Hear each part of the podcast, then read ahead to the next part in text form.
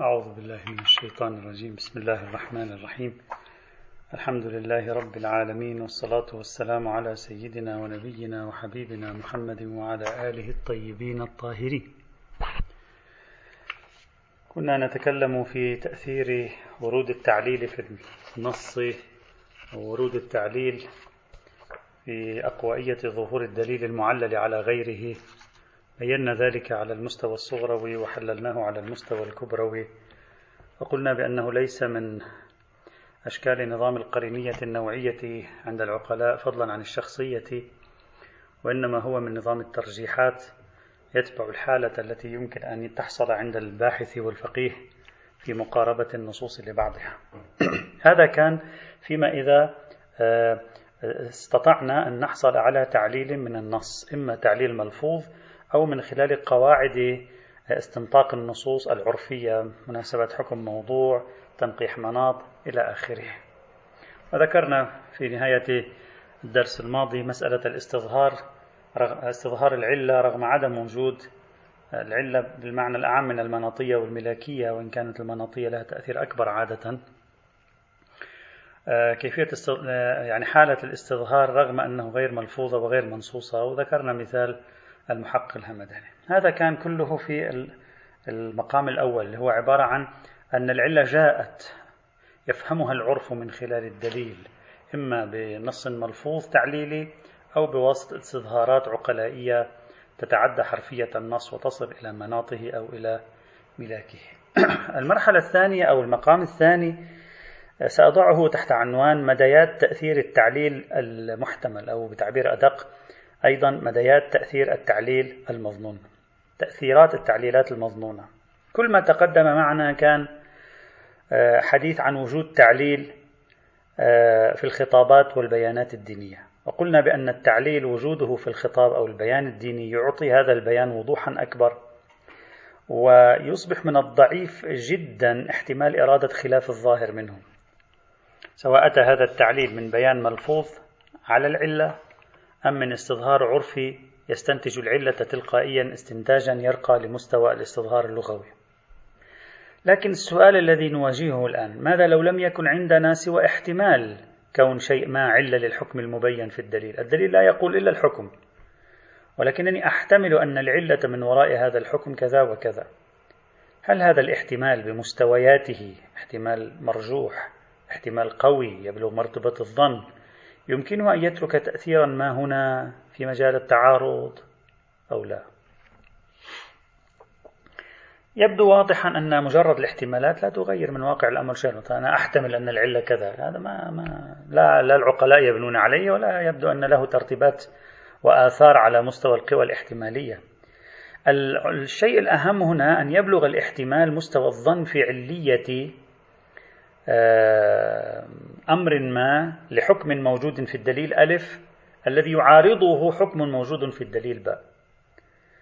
هنا توجد ثلاثة مستويات للكلام سنمنهج القضية على ثلاث مستويات للكلام. المستوى الأول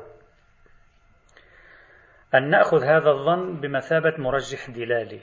آه، آه، فقط قليلا من الصبر حتى تتضح الصورة بأجمعها لنا جميعا إن شاء الله. ما معنى أن أني آخذ هذا الظن الذي أتاني من خلال يعني ظن العلة في الدليل ألف؟ ما معنى أني أخذه بمثابة مرجح دلالي؟ لابد لي من مقدمة تمثل إطار عام في الأصول وبعد ذلك ندخل إلى الموضوع مرة أخرى. في علم الأصول جميعنا درسنا في باب حجية الظهور أنه توجد ثلاثة مسالك في موضوع حجية الظهور. غير موضوع الظهور التصور والتصديق الأول والتصديق الثاني لا. مسالك, مسالك أخرى. المسلك الأول. موضوع حجية الظهور هو الظهور النوعي للكلام. سواء حصل لنا ظن من خلال هذا الظهور بإرادة المتكلم على وفق الظهور أو لا. وسواء كان عندي ظن معاكس لإرادة المتكلم على وفق الظهور أو لا.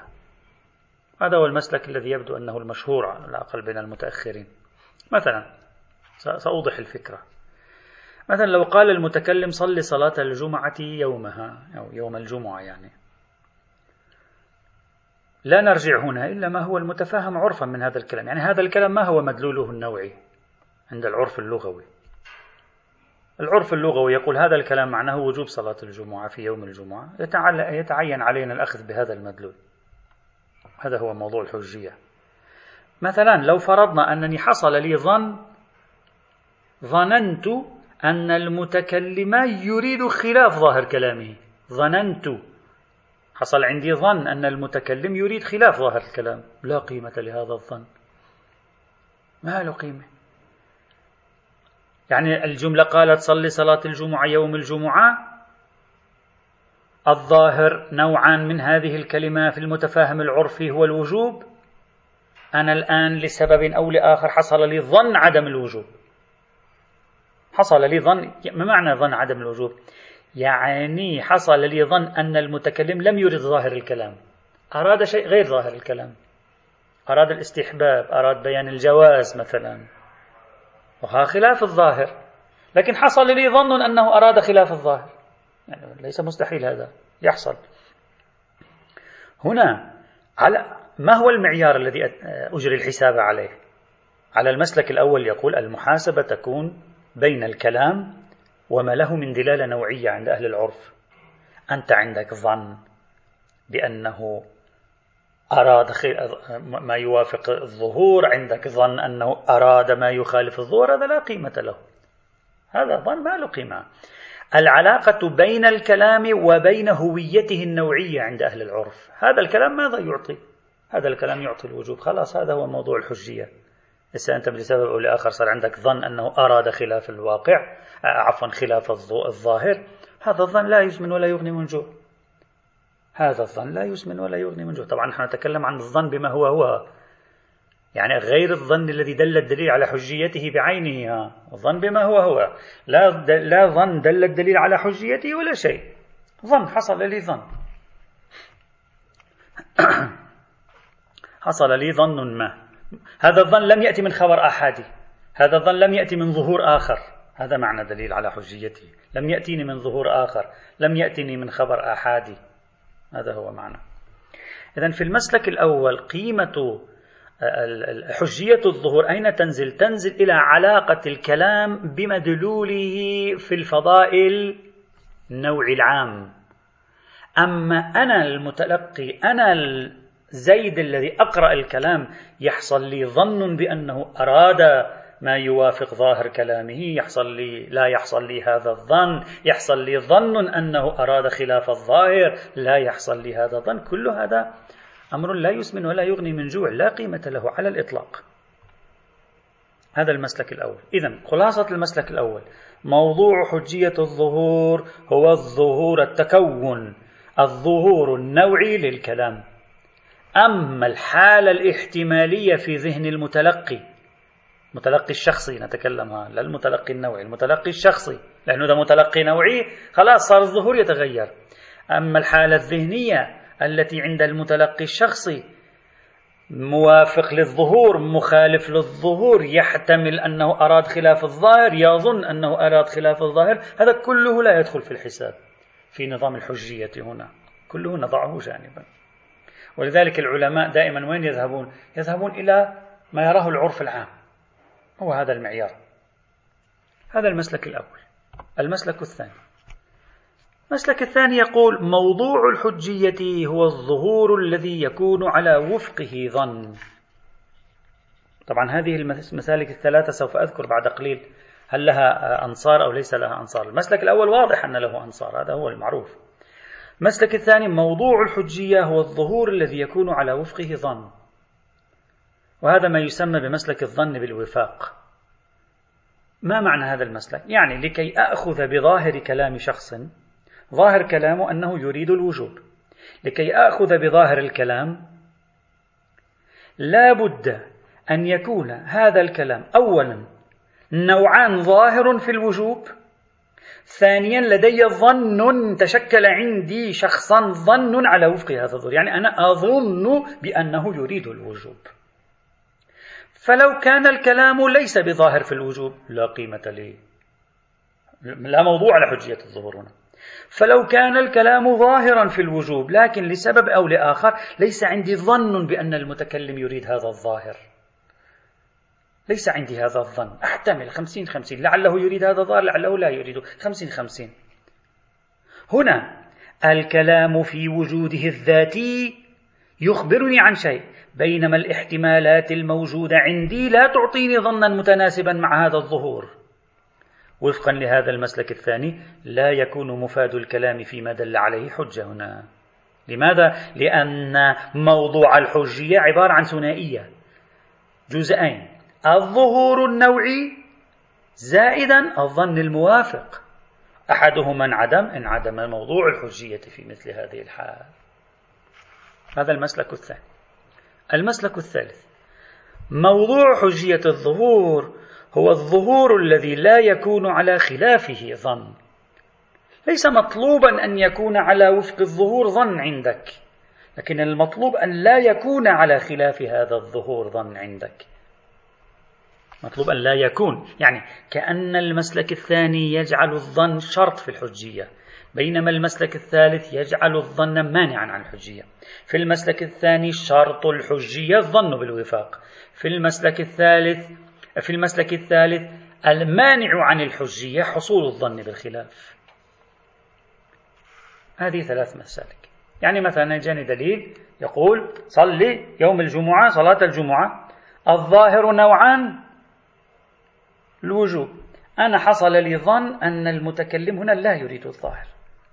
أفرض أنا مثلا عندي مزاج عرفاني فلسفي صوفي نتيجة شيء معين عندي مثلا أنا أقول مثلا أقول هو لا يريد الظواهر. هذه الظواهر لا يريد يريد شيئا أعمق من ذلك. خلف هذا.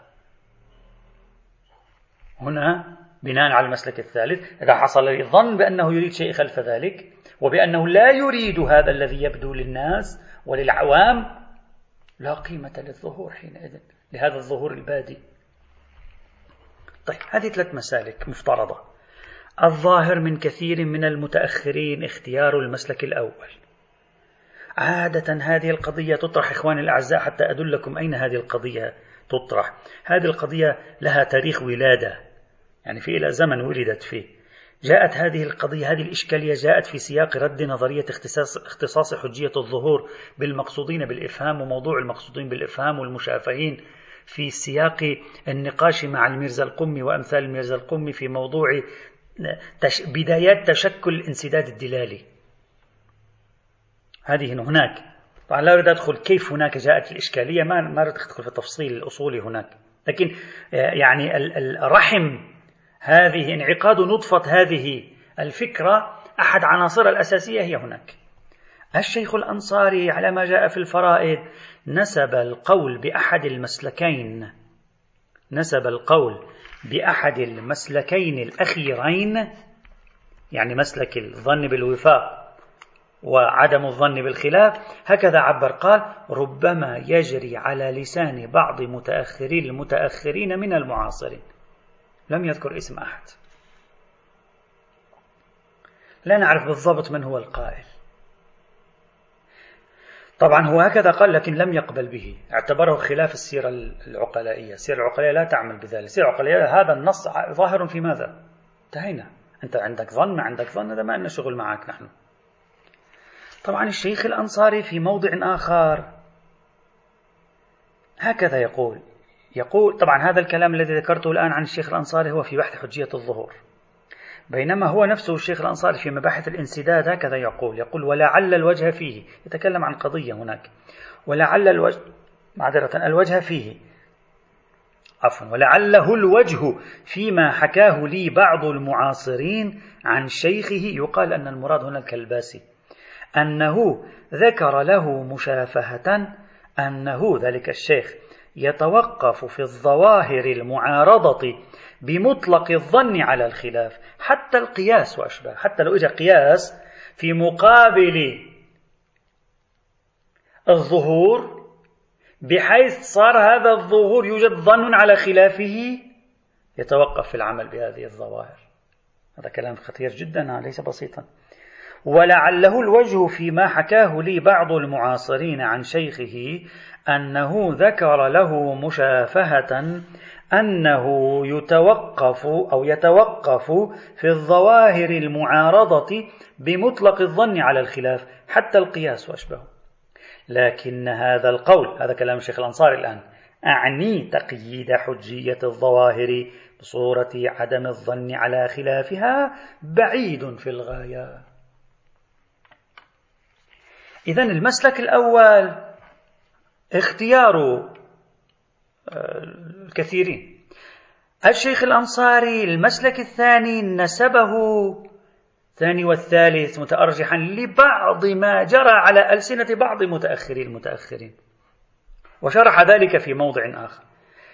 وقد تابع الشيخ الأنصاري في ذلك الكثير من العلماء منذ زمنه إلى اليوم. منهم على سبيل المثال المحقق الخراساني. كلنا درسنا في الكفاية. المحقق الخراساني في باب حجية الظواهر ماذا يقول؟ هذه عبارته يقول والظاهر أن سيرتهم أي سيرة العقلاء على اتباعها أي اتباع حجية الظواهر من غير تقييد بإفادتها للظن فعلا. لا يلزم أن تفيد الظن بالفعل. نوعا هي تفيد الظن. خلاص انتهينا. من غير تقييد بإفادتها للظن فعلا ولا بعدم الظن كذلك يعني فعلا. على خلافها قطعا. يعني قطعا هذا ما في تقييد بهذا. دليلك شيخنا يقول ضرورة أنه لا مجال عندهم للاعتذار عن مخالفتها بعدم إفادتها للظن بالوفاق ولا بوجود الظن بالخير. يعني إذا جاء واحد قال أنا والله ما عملت بهذا الظاهر أمره مولاه أن يعمل به أن يقوم بالأمر الفلاني يقول له لماذا لم تطبق؟ قال أنا لم أعمل بظاهر كلامك. يا ليش لم تعمل بظاهر كلامي؟ لأن عندي ظن على خلافه. كان عندي ظن أنك تريد خلاف ظاهر كلامك. يقول له شو هذا الكلام الذي لا معنى له؟ شو يعني عندك ظن؟ هذا الكلام موضوع في العرف لهذا المعنى. هذا الكلام مستعمل هذا أداة نوعية. شو أنت عندك ظن؟ ما عندك ظن. أنا ما علاقتي بك. عندك ظن؟ ما عندك ظن. عليك أن تتبع ظاهر الكلام. لذلك لا يقبلون من بعضهم شيئا من هذا القبيل كما ذكر ذلك في الكفاية. الميرزا النائيني رحمة الله تعالى عليه أيضا من الذين وافقوا مسلك الشيخين الأنصاري والخراساني. لكن أرجو الانتباه جيدا. الميرزا النائيني انتبه أن في بعض الحالات فعلا العقلاء لا يعملون فيها بالظهورات إذا ما كان عندهم ظن وفاقي أو إذا كان عندهم ظن خلافي. وبعض الأحيان يفعلون ذلك. يعني مثلا سأعطيكم مثال. أنا أمثلة مذكورة بعضها ذكرها تلامذة النائين بعضها بعض المتأخرين بعضها يعني سهلة. مثلا شخص قال بأنه مثلا آه، في التجارة الأمر الفلاني. رئيس نقابة التجار قال الأمر الفلاني. أنت هذا الأمر الفلاني أنت تريد أن تتاجر بناء على ظاهر كلامه وتربح. حصل لك ظن بأنه لا يريد ظاهر الكلام. حصل لك ظن قوي أنه لا يريد هو ظاهر كلامه يريد شيء آخر. هل تقدم؟ لا لا تقدم. هذا معيار كلي ظهور الكلام وأنت إذا أقدمت ستربح. إذا حصل لك ظن على خلاف ظاهر كلامه لا تقدم. تقول لا هذا يعني محتمل احتمال 80% أنه لا يريد ظاهر الكلام. احتمال 80% يريد شيء آخر. احتمال. مش احتمال واحد بالمية. واحد بالمية هذا منسجم مع الظهورات. كل ظهور فيه احتمال واحد بالمية وخمسة بالمية وعشرة بالمية. تكلم عن عن احتمال قوي. خمسين خمسين. ستين خمسين. أربعين. لاحظ الميرزا النائيني وهذه كانت التفاتة في تقديري مهمة جدا. لاحظ أنه في الحياة الشخصية للناس في بعض الأحيان الحق والإنصاف لا يعملون بالظهورات إذا انعقد عندهم ظنون على خلافها. يعني لم يتشكل ظن منها. ظن شخصي فعلي. تعبير صاحب الكفاية فعلي. الميرزا النائيني بعد أن التفت قال لكن هذا لا يلغي القاعدة التي نؤمن بها التي ذكرها الأنصاري والخراساني. كيف شيخنا؟ الميرزا النائيني هكذا قال قال هذا أمر مختص بالمجالات الشخصية للناس. المجالات الشخصية للناس العقلاء يطلبون الوثوق فيها بواقع مراد المتكلم. لا بالمجال التشريع القانوني في المجال التشريع القانوني إذا في آمر ومأمور إذا في آمر ومأمور العقلاء لا يعملون بهذا. قال هذا ليس تفصيلا في حجية الظهور. أنا ما لا أذهب إلى نوع من التفصيل في حجية الظهور. أنا أقول في المجال الشخصي العقلاء لأنهم يطلبون الوثوق بواقع مراد المتكلم. في الأغراض الشخصية المجال الشخصي يعني الأغراض الشخصية. لذلك لا تجدهم يعملون بمطلق الظهور. يحتاج إلى ظن على وفقه أو على الأقل عدم وجود ظن على خلافه أما في المجال القانوني ما معنى المجال القانوني؟ يعني في آمر ومأمور في سلطة آمرة وفي آه، رعية مأمورة. في هذا المجال العقلاء لا. يختلف. العقلاء يعملون بالظهور نوعا هنا لأن غرضهم مختلف. ومع ذلك يصر الميرزا النائمي على أن هذا ليس لا, لا أنا لا أبني على وجود تفصيل في حجية الظهور هذا ليس تفصيلا في حجية الظهور هذا نفس المعيار. غاية الأمر أن العقلاء لأن غرضهم في الأغراض الشخصية شيء مختلف عن غرضهم. في المجالات القانونية هو هذا الذي سبب هذا الاختلاف بينهم. وبالتالي فإذا كانوا في المجالات الشخصية يقحمون موضوع الظن بالوفاق أو الظن بعدم أو, أو عدم الظن بالخلاف فهذا لا يعني أنهم يقحمونه في الأمور القانونية والاعتباريات. ونحن في مجال علاقتنا بالمولى علاقة آمر ومأمور نأخذ بالجانب الثاني من التجربة العقلائية. هذا كلامه في فوائد الأصول. السيد الخوئي أيضا وافق أستاذه كما هي عادته في موافقة أستاذه النائين وفصل بين كون مطلوب العقلاء الواقع ومطلوبهم الخروج عن وحدة التكليف. يعني هو كأنما الآن أراد أن يشرح مراد النائين ولا يأتي بشيء جديد هنا السيد الخوئي. في تقديري يقوم بعملية شرح لمراد النائين بشكل أعمق. فماذا قال؟ قال العقلاء مرة يطلبون الواقع ومرة يطلبون الخروج عن وحدة التكليف. براءة الذمة. إذا كانوا يطلبون الواقع فهم يشرطون الظن بالوفاق وعدم الظن بالخلاف. تراهم لا يعملون بالظهورات إلا أن يكون معها ظن بالوفاق إلا أن لا يكون معها ظن بعدم الخلاف. ظن بالخلاف. مثلا هذا كلام السيد الخوي يعني مضمون كلامه. مثلا إذا ذهبوا إلى الطبيب الطبيب لو احتملوا أن الطبيب يريد خلاف ظاهر كلامه لا يقدمون على العمل بالظواهر. إذا خرجوا من عند الطبيب والطبيب قال لهم خذوا الدواء الفلاني ثم جاءهم ظن لسبب أو لآخر أن الطبيب لا يريد ظاهر كلامه يريد شيئا آخر غير ما هو ظاهر من كلامه. العقلاء هنا لا يعملون بالظواهر يتريثون يرجعون إلى الطبيب مرة أخرى ليسألوه لينجلي عندهم هذا الظن. السبب في ذلك أنهم يريدون الواقع. في الشؤون الشخصية يريدون الواقع لذلك تجدهم يضعون هذا القيد. بينما في الأمور القانونية والتكليفية ليس مطلوبهم ليس مطلوبهم الواقع. مطلوبهم تحصيل العذر الخروج عن العهدة ليس الواقع. وهذا يكفي فيه عند العقلاء مطلق الظهور النوعي مطلق الظهور النوعي هذا كلام السيد الخوئي. في الحقيقة في تقدير شارحا ومحللا مراد ونكتة التمييز التي وضعها الميرزا النائيني أستاذه. هذا كلام السيد الخوئي موجود في مصباح الأصول في الجزء الثاني. طبعا هذه الفكرة تذكرني بشيء إخواني الأعزاء تذكرني بفكرة شبيهة بها. لا أدري هل علم فضل الله أخذ أصل الفكرة هناك من هذه الالتفاتة هنا التفاتة مدرسة الميرزا النائيني أو لا؟ لا أدري. هنا وأمثال هنا. سيد سيد محمد حسين فضل الله كان يقول في قضية تقليد الأعلم يقول أنتم تستدلون بالسيرة العقلائية على على أنه عند اختلاف الأعلم مع غيره يرجع العقلاء إلى الأعلم في باب الطب مثلا. سيد فضل الله هكذا يقول يقول رجوع العقلاء إلى الأعلم عند الاختلاف بينه وبين غيره إنما هو في الأمور التي يطلبون فيها تحصيل الواقع. نفس كلام السيد الخوي هنا. بينما في الأمور الشرعية لا يطلبون الواقع بل يطلبون براءة الذمة فلا يمكن الاستدلال بالأمور التي يطلبون فيها الواقع. أنهم يرجعون إلى الأعلم ونجعل ذلك دليلا في الأمور التي يطلبون فيها براءة الذمة. هذا تسرية من هناك إلى هنا هذه لا دليل عليه. هذا كان إشكال سيد فضل الله على آه، السيرة العقلائية في موضوع تقليد الأعلم هذا أهم إشكال لدي أصلا على موضوع السيرة العقلائية. لاحظوا الشبه كبير جدا بين الفكرتين كيف وظفها سيد فضل الله هناك. وهناك أشكلوا على سيد فضل الله قالوا هذا لا ليس صحيح العقلاء ليس كذا مع أنهم كثير منهم في في في بحثنا هنا يميلون إلى الفذلكة التي والتخريج الذي قدمه الميرزا النائيني والسيد الخوي في المقام. الآن بصرف النظر بعدين سنناقش سنحاكم هذه القضية. أصلا العقلاء هل عندهم غرضين؟ غرض في باب التكوينيات وغرض آخر في باب التشريعيات؟ أو له غرض واحد مثلا بالتالي لا دليل لا, لا مناقشة سيد فضل الله صحيحة ولا كلام سيد الخوئي صحيح.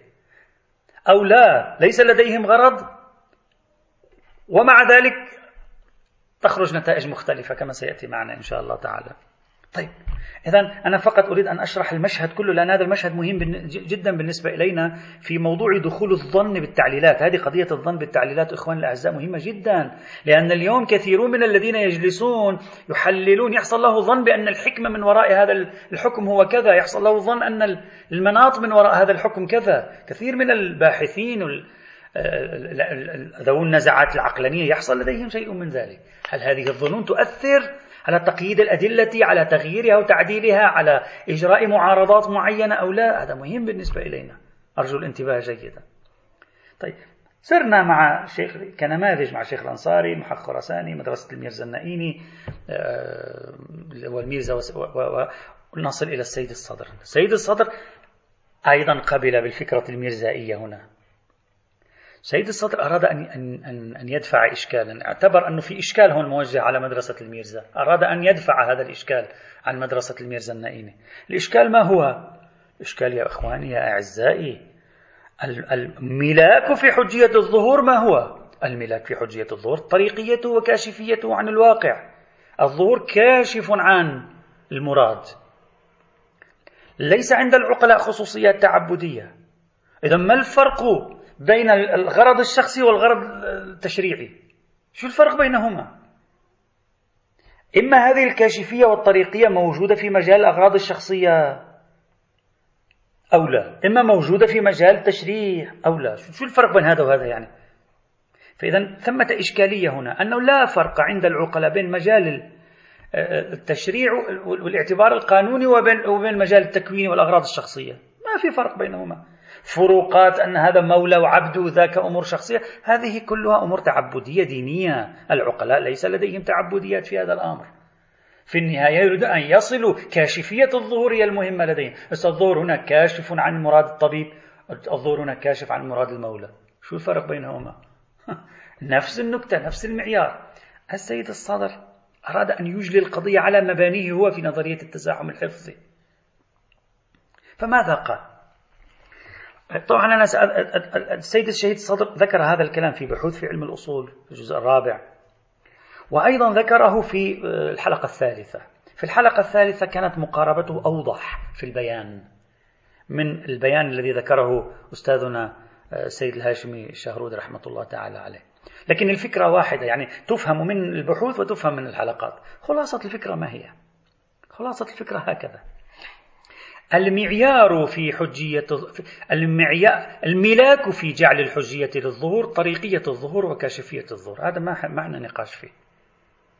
لكن هذه الطريقية في الأغراض الشخصية لاحظوا معي جيدا. هذه الطريقية في الأغراض الشخصية بيد العبد. في الأغراض التشريعية بيد المولى. لذلك لاحظوا ماذا يقول؟ يقول ملاك الكاشفية في الأغراض الشخصية إنما هو الكشف الشخصي لأن الغرض فيه شخصي ليس فيه طرف آخر هذا غرضي الشخصي. ولذلك الظهور يتأثر بالظن الشخصي سلبا وإيجابا. بخلاف الأغراض المولوية المولى هنا في طرفين في مولى وفي عبد. المولى هنا ماذا يفعل؟ يقول أنا أغراضي تتحقق بالعمل بالظهور النوعي ظنونكم الشخصية ما لي علاقة فيها. لأن الظهور النوعي كاشف غالبي عن مرادي. غالبا الظهور النوعي بصرف النظر عن ظنونكم غالبا الظهور النوعي مطابق لمرادي. فيحصل هو الآن على نكتة التزاحم الحفظي. فيجعل الحجية للظهور النوعي لغلبة مطابقة هذا الظهور لمراده الخارجي. هنا لا يوجد تفصيل في ملاك حجية الظهور لا يوجد تعبدية. العبرة بكون الكاشفية ملاحظة من قبل المولى لتحقيق أغراضه في باب التشريع. فيجعل الحجية لي الظهور النوعي محضا. وملاحظة من قبل العبد في مجال الأغراض الشخصية فيجعل المعيار هو الوصول إلى الواقع والمعيار هو تحقيق الوثوق عنده. هذا هو النكتة الموجودة في المقام.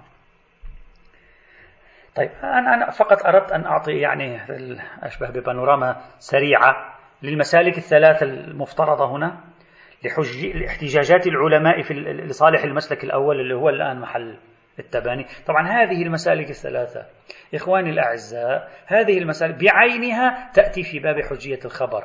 هم في باب حجية الظهور تأتي هم في باب حجية الخبر. يعني في, في الإجمال العام هم تأتي في الحجج الخاصة.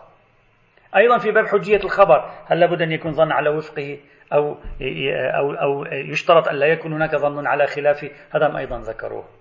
هناك توجد مؤشرات كثيرة ونحن بحثنا يعني ثناياها في مباحث حجية الحديث ودائرة حجية الحديث. طيب بعد أن وضحنا هذه المسالك في باب حجية الظهور تتضح القضية التي نحن بصددها هنا في باب التعليل. من يرى شرط الظن بالوفاق أو يرى مانعية الظن بالخلاف في باب حجية الظهور لو قام عنده ظن على العلة في الدليل ألف. قام عنده ظن على العلة في الدليل ألف. هذا الظن على العلة أعطى الدليل ألف. احتمالية أن يراد خلاف الظاهر منه صارت قليلة. دققوا جيدا معي. بعد أن أنا صار عندي ظن بالعلة في الدليل ألف احتمالية أن المتكلم أراد خلاف الظاهر نزلت بشكل قليل. قلت. لو قام عنده ظن على العلة في الدليل ألف صار هذا الظن الذي قوى من احتمال مطابقة الظاهر للمراد يعني أعطى قوة ظهورية. صار معارض للظن الآتي من الدليل باء اللي هو مفروض دليل ألف وباء متعارضان. فيصبح الدليل الآخر على مستوى الدلالة فاقد للظن على وفقه أو يعاني من ظن على خلافه. يسقط ظهوره عن الحجية ويبقى ظهور الدليل المظنون العلة على حاله. عمليا ماذا ينتج؟ ترجيح الدليل المظنون العلة فيه على غيره. بوصف ظن العلة تقوية لقوته الاحتمالية وتضعيفا للقوة الاحتمالية في كشف الظهور المعارض عن المراد الحقيقي. سأعطي مثال. جاءني دليل يطلب غسل الجمعة اغتسلوا آه، غسل الجمعة. جاء دليل آخر يقول لا تغتسلوا يوم الجمعة لا يجب عليكم الاغتسال يوم الجمعة. يحصل لنا ظن هنا. اترك موضوع النص والظاهرة اترك الموضوع الذي كنا. أنا صار عندي من الخارج ظن أن علة غسل الجمعة هي النظافة كي يخرج المسلمون للمسجد نظيفين مثلا. صار عندي هذا أنا هكذا. بالتحليل الشخصي صار عندي ظن أن العلة وراء الأمر بالغسل يوم الجمعة هو عبارة عن عن تحقيق النظافة حتى الناس إذا خرجت للمسجد وهي مناسبة اجتماعية أسبوعية يكونون على حال من النظافة هذه العلة اللي هي في نفسها مطلوبة عموما تقوي احتمال إرادة المتكلم تحقيق غسل الجمعة. يعني المتكلم لما قال اغتسلوا للجمعة احتمال أنه يريد معنى غير طلب الاغتسال يصبح قليل. لأن طلب الاغتسال منسجم مع علة منطقية تعطي قوة الظن بإرادته ذلك. وبالتالي تضعف قوة احتمال إرادته نفي وجوب غسل الجمعة في الدليل المعارض الذي قال لا, لا يجب الاغتسال للجمعة. يعني الدليل المعارض الذي قال لا يجب الاغتسال للجمعة نحتمل فيه أن يكون قد قصد منه خلاف ظاهره حتى لو لم نعرف ما هو خلاف الظاهر. فالعلة المظنونة هنا قوت احتمال إرادة ظاهر الكلام من الدليل الأول وقلصت من احتمال إرادة الظاهر من الدليل الثاني. فإذا بنينا على المسلكين الأخيرين يسقط ظهور الدليل الثاني عن الحجية ويبقى ظهور الدليل الأول. أما لو بنينا على المسلك الأول لا قيمة لكل هذه الظنون نصين متعارضين. نرجع إلى قواعد أخرى. لاحظتوا هذه هي النكتة. طبعا هذه النكتة إخواني الأعزاء مهمة. أين أيضا حتى بصرف النظر عن التعارض حتى بصرف النظر عن التعارض بل في موارد أخرى للتعارض. مثلا ظهور أحد الدليلين في مفاده يمكننا أن نقويه بموافقته للاعتبار. وهذا مرجح أنه بالفعل المولى نحتمل جدا أنه يريد ذلك. أو بملائمته للكليات الدينية والغايات الشرعية وهكذا. الشيخ الأنصاري رفض بشدة جعل الظنون التي لم يدل دليل على اعتبارها بمثابة مرجحات دلالية. هذا لم يقبل به. أين هذا تعرض له الإخوان؟ لأن هذا البحوث مبعثرة من الصعب واحد يجمعها بسهولة. هذا هذه النقطة أين يتعرضون لها عادة؟ هذه النقطة اللي الآن أتكلم عنها. ليس التعليل. التعليل هو موضوعنا الكلية يعني مجيء ظن لصالح دليل لصالح دلالة دليل. أرجو الانتباه نحن ما زلنا نتكلم في المستوى الأول اللي هو عبارة عن دخول على المستوى الدلالي إذا تذكرون في بداية الدرس اليوم. أين بحثوا مجيء ظن على وفق دليل وعلى خلاف الدليل المعارض له بحيث يوجب ذلك الترجيح؟ هذا أين بحثه الشيخ الأنصاري؟ بحثه في التنبيه السادس من تنبيهات دليل الانسداد. هناك بحث هذه القضية. الإخوة الذين يريدون المراجعة في كتاب فرائد الأصول الجزء الأول صفحة 600 إلى 601 هذا ذكره هناك. من الطبعة المحققة. طيب. الآن نختصر الفكرة برمتها الفكرة هي هكذا عندي دليلان أحدهما يوجد ظن على وفقه والثاني لا يوجد ظن على وفقه باعتبار وجد الظن على وفق الأول قوى دلالته أضعف من احتمال إرادة خلاف الظاهر بينما لما كان الظن على وفق الأول فصار بمثابة الظن على خلاف الثاني. يعني أضعف من احتمال إرادة الظاهر من الثاني قوى من احتمال إرادة عدم آه، خلاف الظاهر من الثاني. هل هذه العملية توجب ترجيحا دلاليا لدليل على آخر؟ خاصة في إطار الفضاء الذي يؤمن به أمثال الشيخ الأنصاري بحث المرجحات. قلنا المرجحات ليست منصوصة فقط. بناء على أن موضوع الظاهر والأظهار ليس من داخل نظام القرينية كما قلنا بالأمس التحقيق في هذه المسألة هذا صورة المشهد الذي آه، طرحنا. التحقيق في هذه المسألة ينبغي أن يكون تارة في أصل هذه القاعدة في باب حجية الظهور. يعني هل عندنا قاعدة من هذا النوع في باب حجية الظهور؟ الظن بالوفاق الظن بعدم الظن بالخلاف. هل هذه قواعد موجودة أو الحق مع المسلك الأول؟ نقرر هذه في البداية ثم نأتي إلى التطبيق. أين هو التطبيق؟ التطبيق في باب التعليلات المحتملة أو التعليلات المظنونة التي قد تقوي دلالة دليل في مقابل دليل ثاني. يأتي إن شاء الله تعالى والحمد لله رب العالمين.